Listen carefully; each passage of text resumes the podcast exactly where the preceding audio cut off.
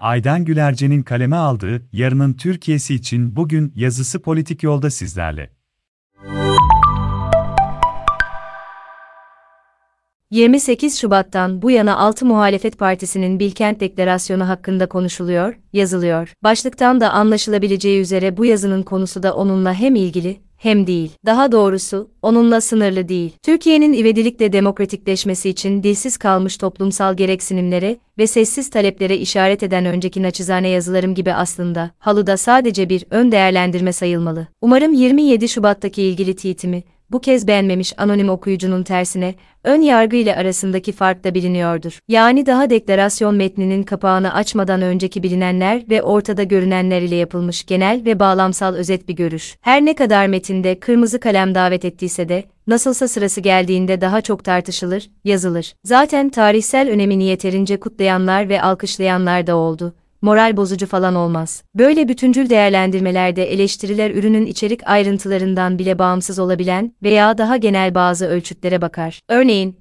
Öncelikle sorunun doğru muhakemesi. İlgili konuda gerekli gereksinim saptaması. Probleme geçerli ve yeterli yanıt üretme. Amacın soruna uygunluğundan öte, ürünün kendi üstlendiği amacına uygunluğu. Ürünün ve performansın sınırlarının farkındalığı. Algoritması ve zamanlaması gibi hususlar dikkate alınır. Zaten işin hedef veya ürünün nihai kullanıcısı ile kurulan bağlantısı ve iletişimi, yetkin bilginin yerinde ve ilgili becerilerin yeterli kullanımı gibi bir takım başka somut ölçütler açısından nesnel göznel eleştiriler tüm katılımcılarla diyalojik olarak yapılır. Ön değerlendirmedeki karşılıklı geri bildirimlerden ve olası soruları tartışıldıktan sonra, yine birlikte yapacakları revizyonlar sonrasıdır esas önemli olan. Altı partinin birer liyakatli temsilcisinin güçlendirilmiş parlamenter sistem taslağına hazırlandığı ve neye odaklanıldığı biliniyordu. Zaten taraflar arasındaki ahlatlı beldeki söz kesme yemeğini de izledik. Bu metin kanımca o zirve yemeği menüsünde yazmış olduğum gibi en son ele alınabilecek bir ayrıntı, Madlen çikolatası filan gibi. Nitekim, 28 Şubat'taki nikah töreninde imzalan sözleşmede evlilik öncesi anlaşmalarından pek farklı görünmüyor. Hatta onun kadar bile yasal bir değeri veya sosyal yaptırımı da yok. Elbette Türkiye'nin son derece gereksinim duyduğu gerçek bir sosyal kontrat olsa,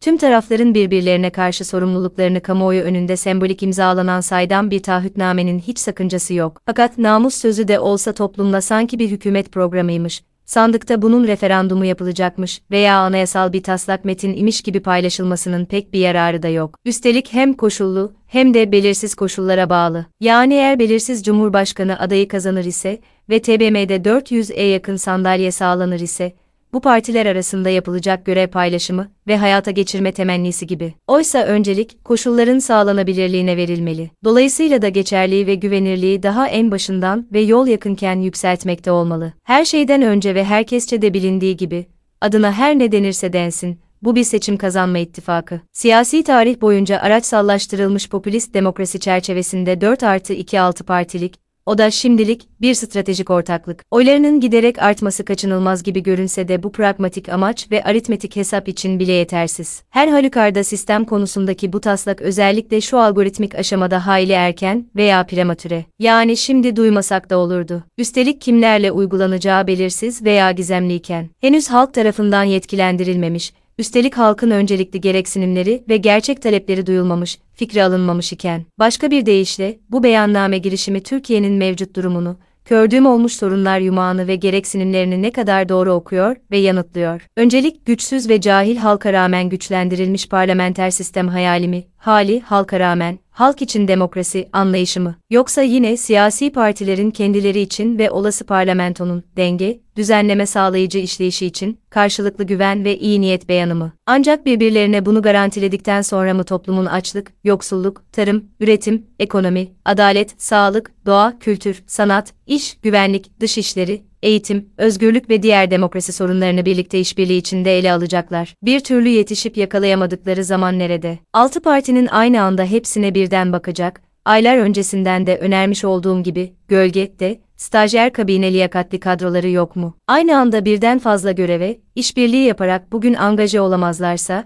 yarın olabileceklerinin teminatı nerede? Değişken koşulları dikkate almayan ürün ve performansta ihmal edilmiş en temel hususlar çok daha önemli elbette. Diyelim ki amaç sadece yasama, yargı ve yürütme işlevlerini düzenleyecek bir sistem tasarımı. Fakat sıklıkla bu sınırlarının dışına çıkılıyor. Rejimi değiştirip yeniden hukuk devleti olmaya geçiş beklentisi ve metnin de onun teminat belgesi olduğu vurgulanıyor. Her şeyden önce ister anayasa olsun, ister yargı, yürütme, yasama işlevlerini sistemik düzenleme metni olsun. Herhangi bir sistem tasarımı soyut, çıplak, öz, ilkesel, zamana ve değişken koşullara dayanıklı olmalı. Başka bir deyişle, bir öncekini uygulayanların veya sonrakilerin kişiselliklerine endeksli olmamalı. Özellikle de önceki sistemlerin işlemeyişinin argümanları veya düzenin bozulmasının açıklamaları düzenekteki hatalar değil kişisel arızalar ile yapılıyorsa, sistem dışındaki tüm yapısal kültürel veya tarihsel başka değişkenler elbette gerçekçi terimlerle dikkate alınmalı. Fakat gerekçelendirmesi dahil, hatta başta olmak üzere, geçmiş yakın veya uzak tarihin kuyruk acısını yansıtmalarla ve onlara özgül önlemler almacasına olmamalı. Bu toplum ve siyaset mevcut sefil haline aynen böyle, yani sürekli olarak bir önceki taze ve yüzeysel sistemik yanlışları yeni yanlışlarla kapatan palyatif ve eski siyaset çözümleriyle gelmedi mi? Şimdiki tavırda ne kadar dikkat edilmeye, kaçınılmaya veya gizlenmeye çalışılırsa çalışılsın, son derece ucube takıntılı ve kaygılı duruyor. Yarının Türkiye'sinin bunda ne bir suçu, rolü ve ne de sorumluluğu var. Çok daha iyisine layık ve muktedir. Kaldı ki yarınından türlü sebeplerle endişeli hiçbir kesime yeterince ümit vaat etmiyor. Dahası son yıllardaki eleştirel entelektüel tartışmalardan çok az geri beslenildiği dikkat çekici. Yüzyıllık Cumhuriyet tarihinden ne kadar ders alınmış olduğu ortada. Usul aynı, üstten, seçkinci ve kapalı kapılar ardında bir komisyon raporu. Şimdi sırada bu mükemmele yakın tasarımın halka anlatılması, seçmenin ikna edilmesi var filan deniyor. 21. yüzyılın ilk çeyreği bitiyorken, halkı, başından dahil etmemiş, hiçbir toplumsal projeye ikna edemezsiniz efendim. Üstelik bu, yeni ve demokratik bir Türkiye inşası gibi iddialı bir beklentiye kapı açacak ve yol verecek gibi bir anlam yüklenen bir toplumsal dönüşüm projesi ise, zaten iyi bir performans ve ürün değerlendirmesi de potansiyel veya kapasite üzerinden yapılmaz. Örneğin, yarın 8 Mart'ta yine kadının yönetsel kararlara ve iş gücüne katılımının, eşitliğin önemi vurgulanacak. Değil komisyonda kadın olmaması, tanıtım seremonisine davetliler arasında bile salondaki 2-3 sıraya belki bir kadın düşüyordu. Zaten kim ne kadar alkışlarsa alkışlasın, toplumsal cinsiyet eşitliği de ilkokul müfredatı ile filan sağlanamaz. Evdeki ve sokaktaki gündelik pratiklerde görerek, yaparak ve onlara dönük siyasalarla olur. Öte yandan, 1921 Anayasasına göndermeler ile çoğulculuk, özgürlük vs deniyor. Masaya HDP'nin fiziksel olarak oturması şart değil. Fakat bu ittifakın ortak çalışmasındaki temsiliyetin toplumun sadece bir dört ünün temsiliyeti olduğu görülüyor. Elbette potansiyel oylardan bağımsız olarak, toplumdaki farklı siyasi görüş ve gereksinimlerin temsiliyetinden söz ediyorum. En çok da ne birinci, ne ikinci, ne de üçüncü ittifaka kendilerine ait veya temsil ediliyormuş gibi hissedenlerin ortak toplumsal yaşam ve gelecek tahayyüllerini kastediyorum. Açıkçası hiçbir siyasetçiye artık güvenmeyen, siyasetten soğumuş,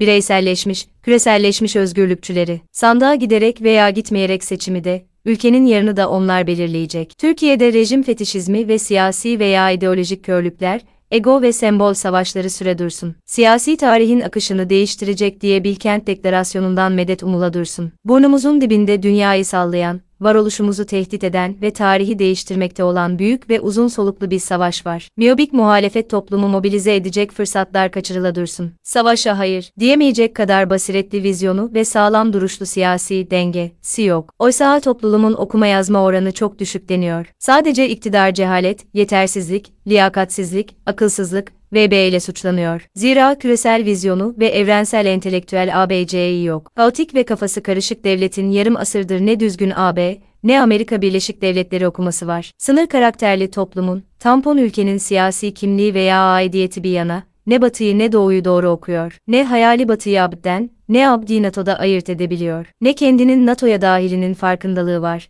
ne Montreux'u bir abdiye, bir Rusya'ya danışmadan yorumlayabiliyor. Sonuç olarak, yarının Türkiye'si için bugünün aciliyeti var. Bugün Türkiye'de helalleşme, yani toplumsal yüzleşme ve özdüşünümsel revizyonlar en birincil, elzem, olmazsa olmaz adımlar. CHP, HDP ve İYİP, GPS tasarımları veya ortak güçlü aday ile, Adalet ve Kalkınma Partisi tabanından seçmen devşirme fantazilerini filan çöpe atmalı. İvedilikle aralarındaki merkezi ve muhafazakar bariyerleri aşmaya uğraşmalı. Asgari yurttaşlık ve ortak toplumsal yaşam ilkelerinde uzlaşamaya bakmalı. Aksi takdirde bu toplum sadece ve hızla daha da kötüye gider ve tarih hepsini çok fena yargılar.